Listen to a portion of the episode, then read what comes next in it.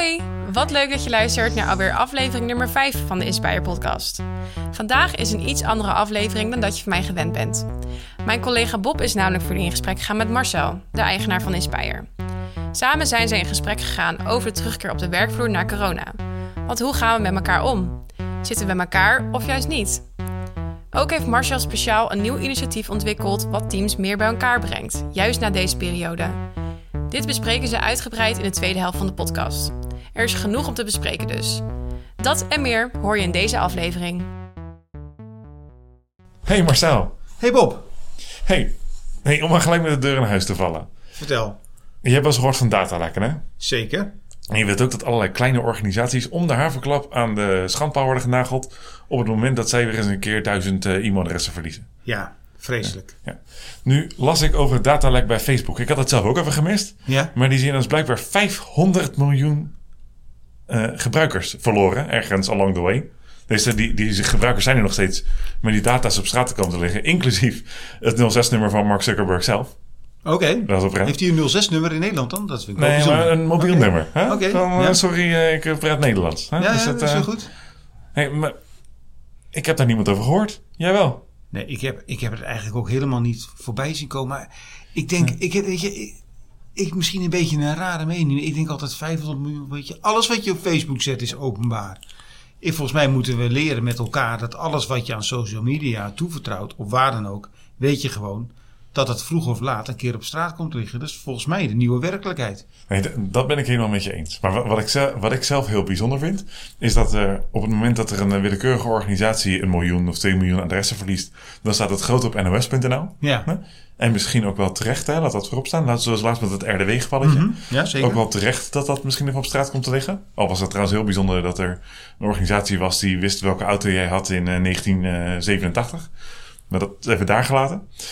Ehm, maar 500 miljoen adressen, dat is eigenlijk tien keer zo groot, dat vermelden we niet. En ik denk dat ik heb daar een reden voor. Ik denk dat ik weet hoe dat komt. Ik denk namelijk dat het too big to understand is. Oké, ja. Dat- kan ik hier meegaan? Als we, Maar wat je, bedoel je precies? maar als je ergens duizend adressen verliest, dat, dat is behapbaar. Dat snappen mensen. Hè?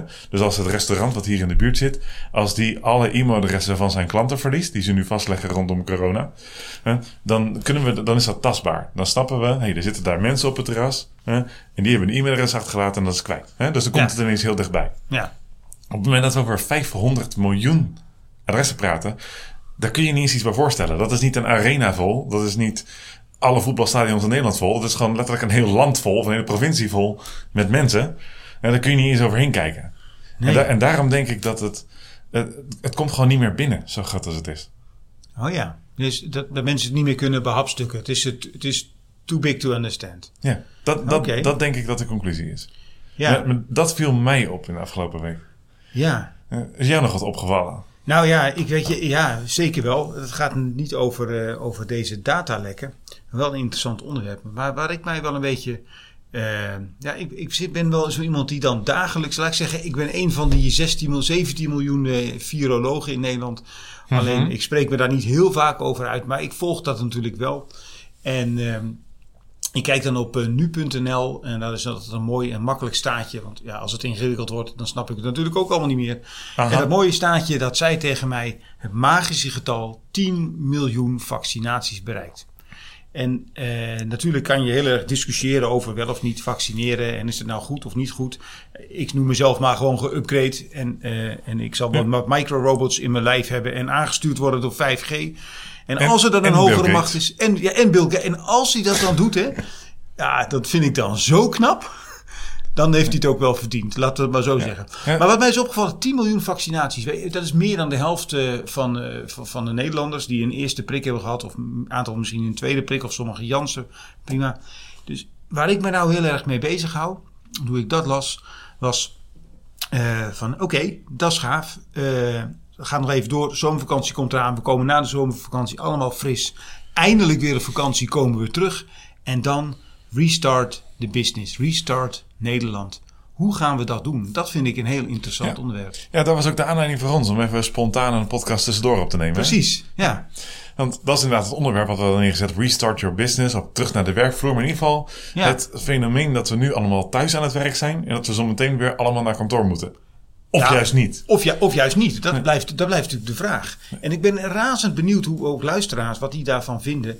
Ehm, eh, en ik zou heel graag in gesprek willen gaan met mensen die, die zometeen, naar wat ze zo meteen te horen krijgen, daar ook feedback op hebben.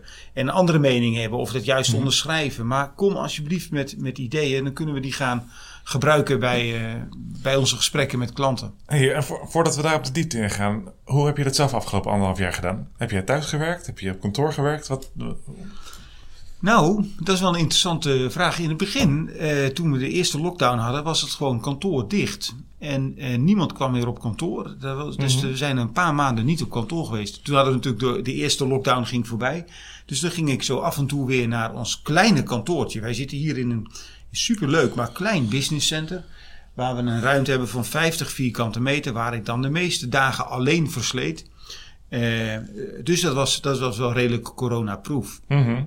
Eh, maar er waren ook andere collega's en andere bedrijven hier omheen die, eh, waar meer mensen waren. Dus er, dus er was wel gezelligheid. We hielden afstand. We noemen het wel eens de coronadans. Mhm. Om op anderhalve meter rondom het koffiezetapparaat van elkaar af te, of om elkaar heen te dansen. Maar ik ben, ik ben eigenlijk wel een lucky bastard dat ik de gelegenheid had om, eh, na, om na de zomer vorig jaar gewoon elke dag naar kantoor te kunnen gaan. Ja, voor mij geldt eigenlijk wel hetzelfde hoor. We noemen het een tikkie traditioneel, maar ik vind het heel fijn om 's ochtends gewoon in de auto te stappen. Net even een kwartiertje te hebben en dan gewoon het huis achter me te laten en de kinderen en dat soort dingen. Ja, Lekker gewoon te werken, meters te maken, mijn ding te doen. En aan het eind van de dag gewoon net even dat kwartiertje te nemen en dan gewoon weer terug naar huis te rijden. afschakelen. Ja, dat, dat, ik vind dat heel fijn. Ik heb ook wel thuis gewerkt, gewoon sporadisch en tussendoor. En helemaal in de tijd dat de kinderen nu thuis waren, was dat natuurlijk wel een dingetje. Ehm, als die jong zijn, ja, dan moet je dat recht samen opvangen. Ja. Dus dan werkte ik 's middags thuis, of dan werkte ik een hele dag thuis. Ehm, en dan was ik klaar met werken en dan liep ik van de trap af en dan was ik in de woonkamer. Dan was ik absoluut nog niet afgeschakeld. Nee. Dat kostte mij heel veel moeite. Ja. Dus ik was heel blij dat ik gewoon naar kantoor kon. Ja, dat snap ik. Ja, en, eh, ik zeg al, dan zijn wij twee lucky bastards. Maar ik, heb, ik werk met veel teams en ik spreek daar redelijk veel mensen over. En ik denk dat veel luisteraars dat wel herkennen. Dat geldt, dat geldt niet voor iedereen. Er zijn mensen die zitten in een, een klein hokje op een slaapkamer of op een kinderkamer. En als ik thuis werk, zat ik ook op de kinderkamer.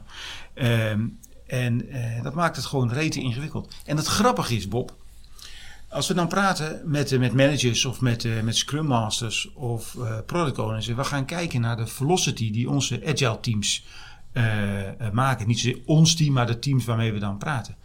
Dan zien we in heel veel gevallen, bijna allemaal durf ik zelfs te stellen, dat de velocity behoorlijk is gestegen. En dat is heel, heel raar, want we missen allemaal dat, dat, dat koffiemomentje bij, de, bij die koffieautomaat. En even dat gezellige kletspraatje met je collega, omdat wij sociale dieren zijn. Maar voor het werk bleek het niet altijd slecht te zijn om thuis te werken. En dat intrigeert mij dus zo. Hoe gaan we dat nou straks doen als, de, eh, als we zometeen na de zomer zijn en de, en de kantoren mogen weer open met allemaal maatregelen natuurlijk. Maar willen we dat eigenlijk wel? En ik, wat ik zelf bijzonder vind, is dat. ehm, ja, er, ergens snap ik wel wat je zegt hoor. Want het is volkomen logisch dat uiteindelijk die productiviteit is, eh, is toegenomen. Als je strikt kijkt naar de, de definitie van het woord kenniswerker. en wat daarbij geschreven is door Porter in de jaren 50 toen hij dat uitvond. Want die kwam eh, met een aantal stelregels voor kenniswerkers en hoe je die aan moet sturen. Want of als we het plat bekijken. Je, had ook, je hebt, heb je nog steeds een hoop fabrieken waar mensen ook gaan werken en die kun je zien werken. hè. En als ik hier beneden naar een restaurant loop, hè, dan kan ik mensen zien werken. Hè, en die kun je dan ook heel erg aansturen. Kenniswerkers, volgens Porter althans, de man die dat allemaal heeft eh, bedacht, die moet je in de basis gewoon met rust laten. Want anders dan, dan gebeurt er niet zoveel. Dat is flink misgegaan hè, de afgelopen jaren, laat eerlijk over zijn.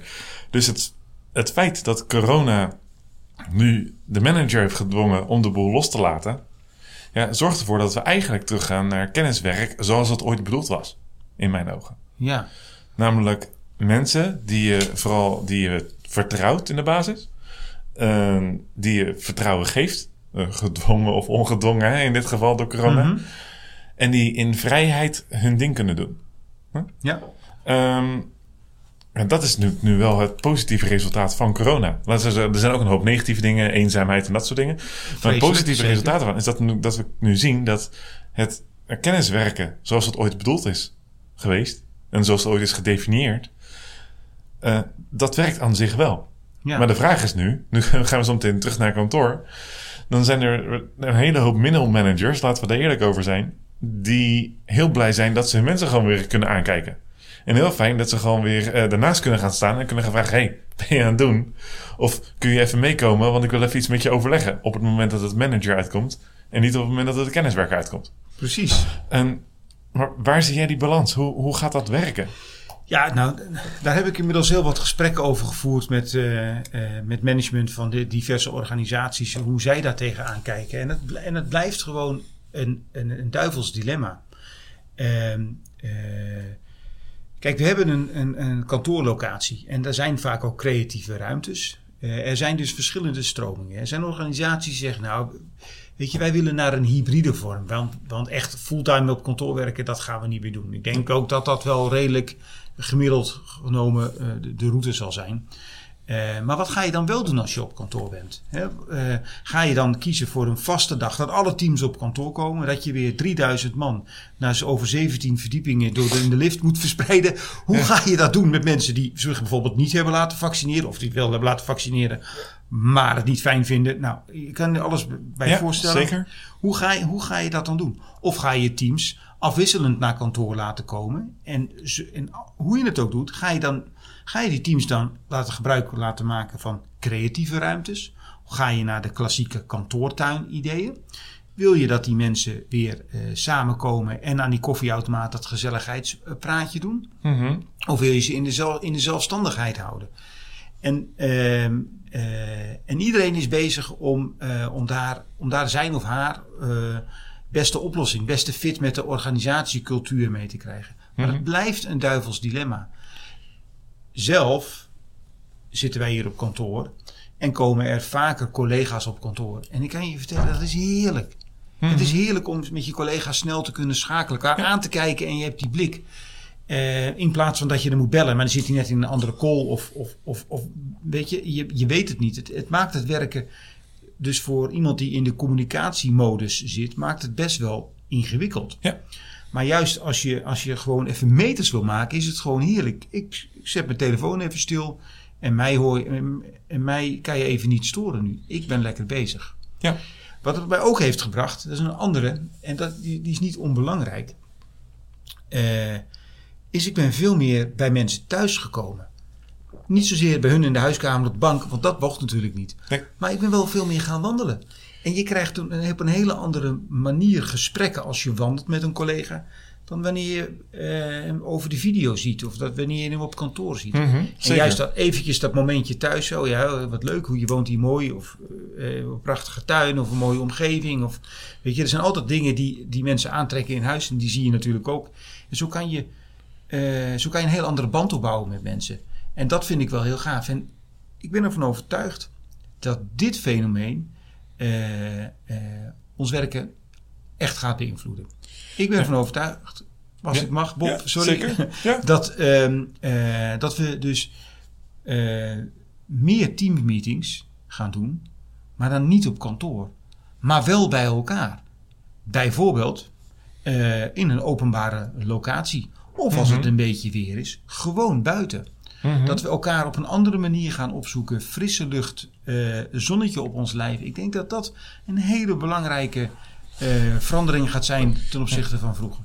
Ja, ik denk dat je daar de juiste snaar raakt. Ehm, waar het niet... Dat, ik, ik, hing op, op een aantal gedachten ook. Ik denk zoals heel veel mensen op dat gebied.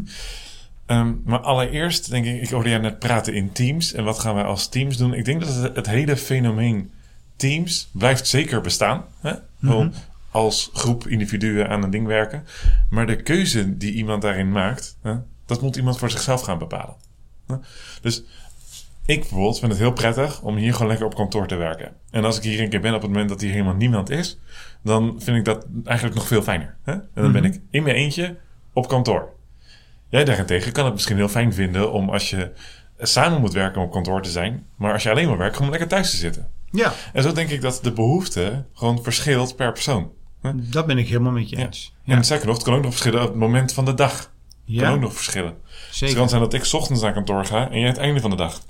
Ja, En zo denk ik dat uiteindelijk we dat er, de, natuurlijk zijn er momenten dat het handig is, met name aan de, kant, aan de inputkant en aan de impactkant van een project of een samenwerkingstraject, waarbij het handig is om even met z'n allen bij elkaar te komen, al dan niet op kantoor.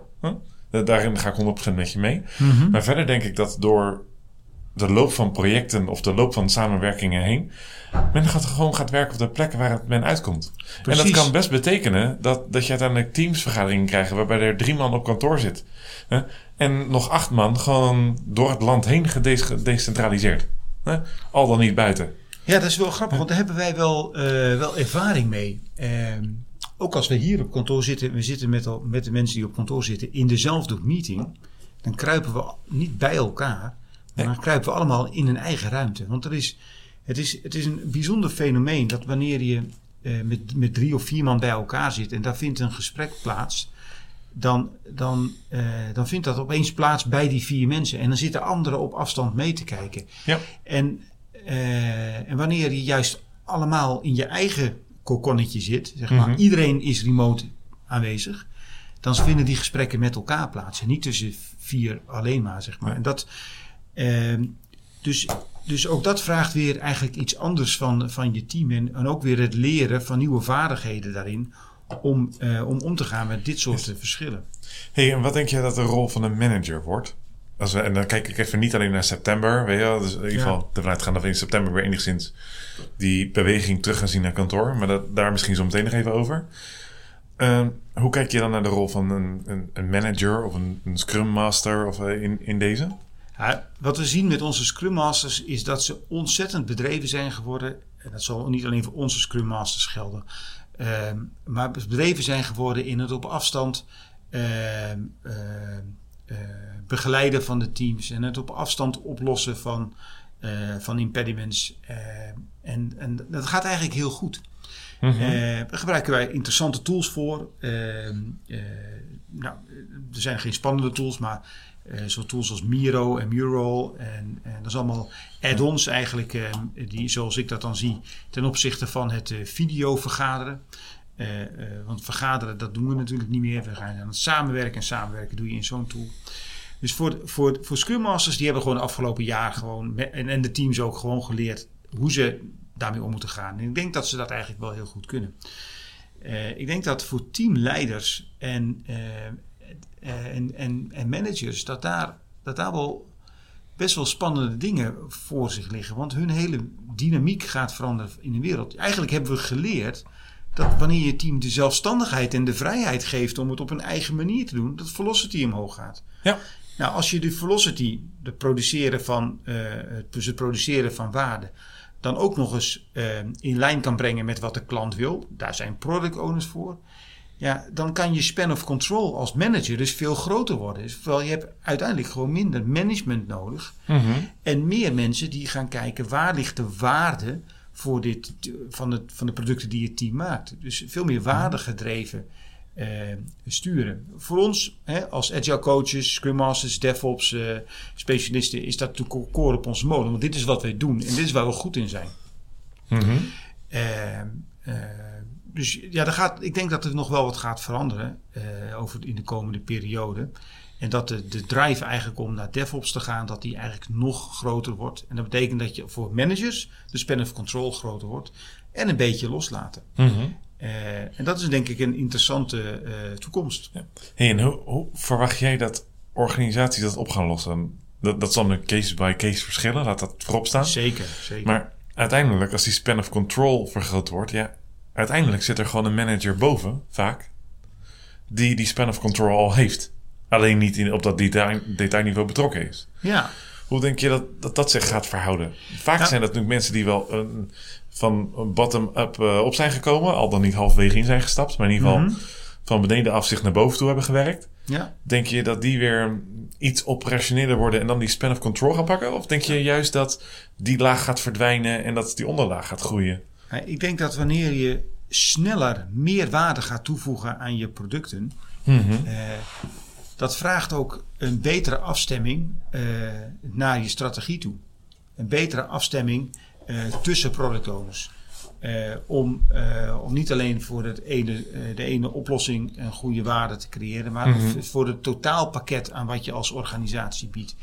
Dus ik, ik zie eigenlijk dat, dat managers, degene die dan, eh, zeg maar als de span of control groter wordt, heb je natuurlijk minder managers nodig. Maar die andere managers, dat die eh, een rol gaan vinden, veel meer op dat vlak. Dus veel meer strategisch kijken, eh, waar gaan we naartoe? Hoe ver lopen alle, alle ontwikkelingen daarmee in lijn? Mhm. En ik denk ook dat daar, dat daar best wel veel behoefte aan is. Veel managers zijn natuurlijk ook wel inhoudelijk betrokken. Alleen zal voornamelijk die, die HR-rol eh, zal, zal afnemen. En misschien dat we dan, dat was toch dat wijze eh, Israëlische gezegde hè, van ik wens u veel personeel. Aha.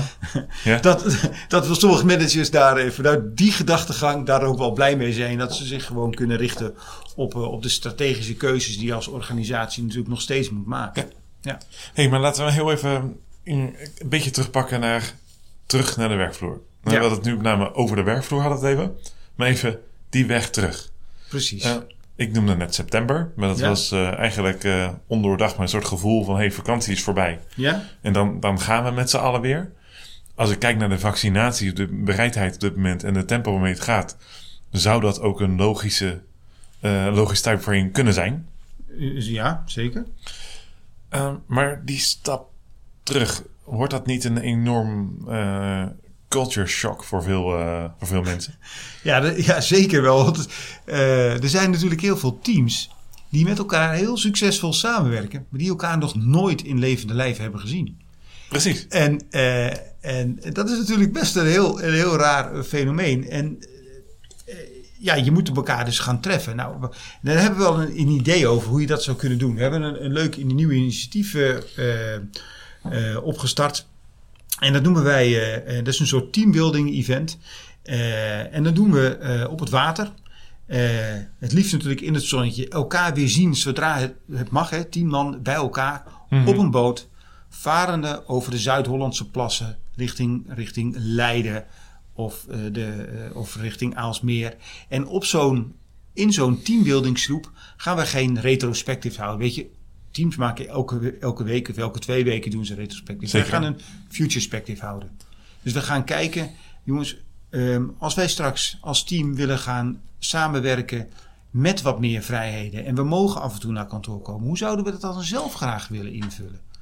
Wat zouden, wat zouden we kunnen doen om, eh, om zeg maar de, de balans goed te vinden tussen geconcentreerd alleen kunnen werken, tussen samenwerken, Mhm. eh, eh, tussen de creatieve sessies misschien wel op kantoor of op een andere lo- creatieve locatie buiten het vaste kantoor. Weet je? Mhm. Om al die dingen eh, de revue te laten passeren. Maar wat is er nou leuker als je dan toch weer samen bent op je team? Om ook gewoon, weet je, om gewoon elkaar een beetje dat water in te kunnen duwen. eh, achter op zo'n Joby, op zo'n funtube te hangen. En lekker stuiteren over de golven. Om gewoon heerlijk lol te maken. Einde van de middag misschien een beetje leidersap. Weet je wat ik daarmee bedoel? Ik heb nog geen idee. Ik Jij hebt nog geen idee. Nou, we kunnen daar eh, natuurlijk eh, vanaf een uur of vier, vijf eh, de bar openzetten. Dan kunnen mensen een, een lekker wijntje of een biertje drinken. Een beetje alcohol, echt leidersap heb ik het dan over. Ja. Want dan komen er natuurlijk echt de creatieve ideeën. Precies. En, en het allergrootste doel is natuurlijk gewoon heel veel lol maken met elkaar. Mhm. Om juist die verbinding als team, om die weer sterker te Ja. maken. En dat doen we op de teambuildingsloop. En, die, eh, en dat is hartstikke leuk om te doen. Ja. ja. Hey, en eh, je zegt Zuid-Hollandse plassen, maar Zuid-Holland is vrij groot. Waar eh, ligt die sloep? De sloep ligt in Alphen aan de Rijn. En het vaargebied eh, is eh, vanuit Alphen richting eh, de Braasemermeer, de Weide A, langs de molens, kunnen we naar Leiden of de Kaagplassen. Eh, eh, het is dus een heel groot vaargebied waar je, waar je heerlijk kan genieten. Waar ook fijne restaurantjes zijn waar je wil kunnen stoppen voor een kop koffie. Er zijn eh, genoeg eh, toiletten onderweg voor de mensen die zich daar mogelijk zorgen over maken. Maar er is ook een heel leuk eh, recreatie-eiland. eh, waar we fijn in het gras gewoon ook even daar wat agile games kunnen doen. En als we gewoon zin hebben om te badmintonnen of om een spelletje cup te doen, omdat we dat leuk vinden, ook daar is gelegenheid voor. Ja. Het gaat natuurlijk om de lol van het elkaar weer zien in een hele leuke sfeer. En, en om, die, om te werken aan die teambuilding. Hey, en als mensen er meer over te weten willen komen, waar kunnen ze dan terecht? www.teambuildingsloop.nl En dat vind je ook op Instagram en Ja. op Facebook. Teambuildingsloop. Teambuildingsloop.nl .nl. Zeker weten. Helemaal mooi. Dan gaan mensen daar vast naartoe. Ik hoop Hey, het wel. Marcel, voordat we afsluiten. Ik, Ja. eh, we brengen een nieuw eh, attribuut in in de podcast. Of in het onderdeel van de podcast. Dat is namelijk een, eh, een tip voor de luisteraar. Nu hoorde ik jou net al Miro noemen. Volgens mij is dat echt jouw holy grail van het moment, of niet? Nou, Miro heeft wel heel veel teams eh, geholpen om, eh, om eigenlijk de stap te maken van het, van het online vergaderen. We kennen wel, we zetten Teams open of Zoom of WebEx. We, we kennen al de tools inmiddels. Dat is Ja. ook allemaal niet zo spannend. We kunnen elkaar lekker zien en, en, en aan het einde van de dag heb je vierkante ogen. Dat is ongeveer hoe het werkt. ja. Maar wat, je, wat nou mist, dat is eigenlijk hoe kan je nu van een vergadering in workshop maken? Hoe kan je met elkaar iets creëren? Ja. En, eh, en daar heb je een creatieve tool voor nodig. Een soort whiteboard aan de muur waar iedereen op kan tekenen. Maar wel begeleid met wat stukjes intelligentie. Post-itjes plakken, kanbanbordjes maken, scrumbordjes maken, eh business model canvas invullen. Al dit soort dingen kunnen met een tool als, als Miro. Ja. En er zijn meer tools. Maar Miro lekker toegankelijk. En eh, wij gebruiken die bij voorkeur. Voor, voor mijzelf, ik gebruik ook Miro. En waarom gebruik ik het? Niet alleen ehm, vanwege hetgeen wat jij net zegt, maar het is ook voor de verwerking van zaken.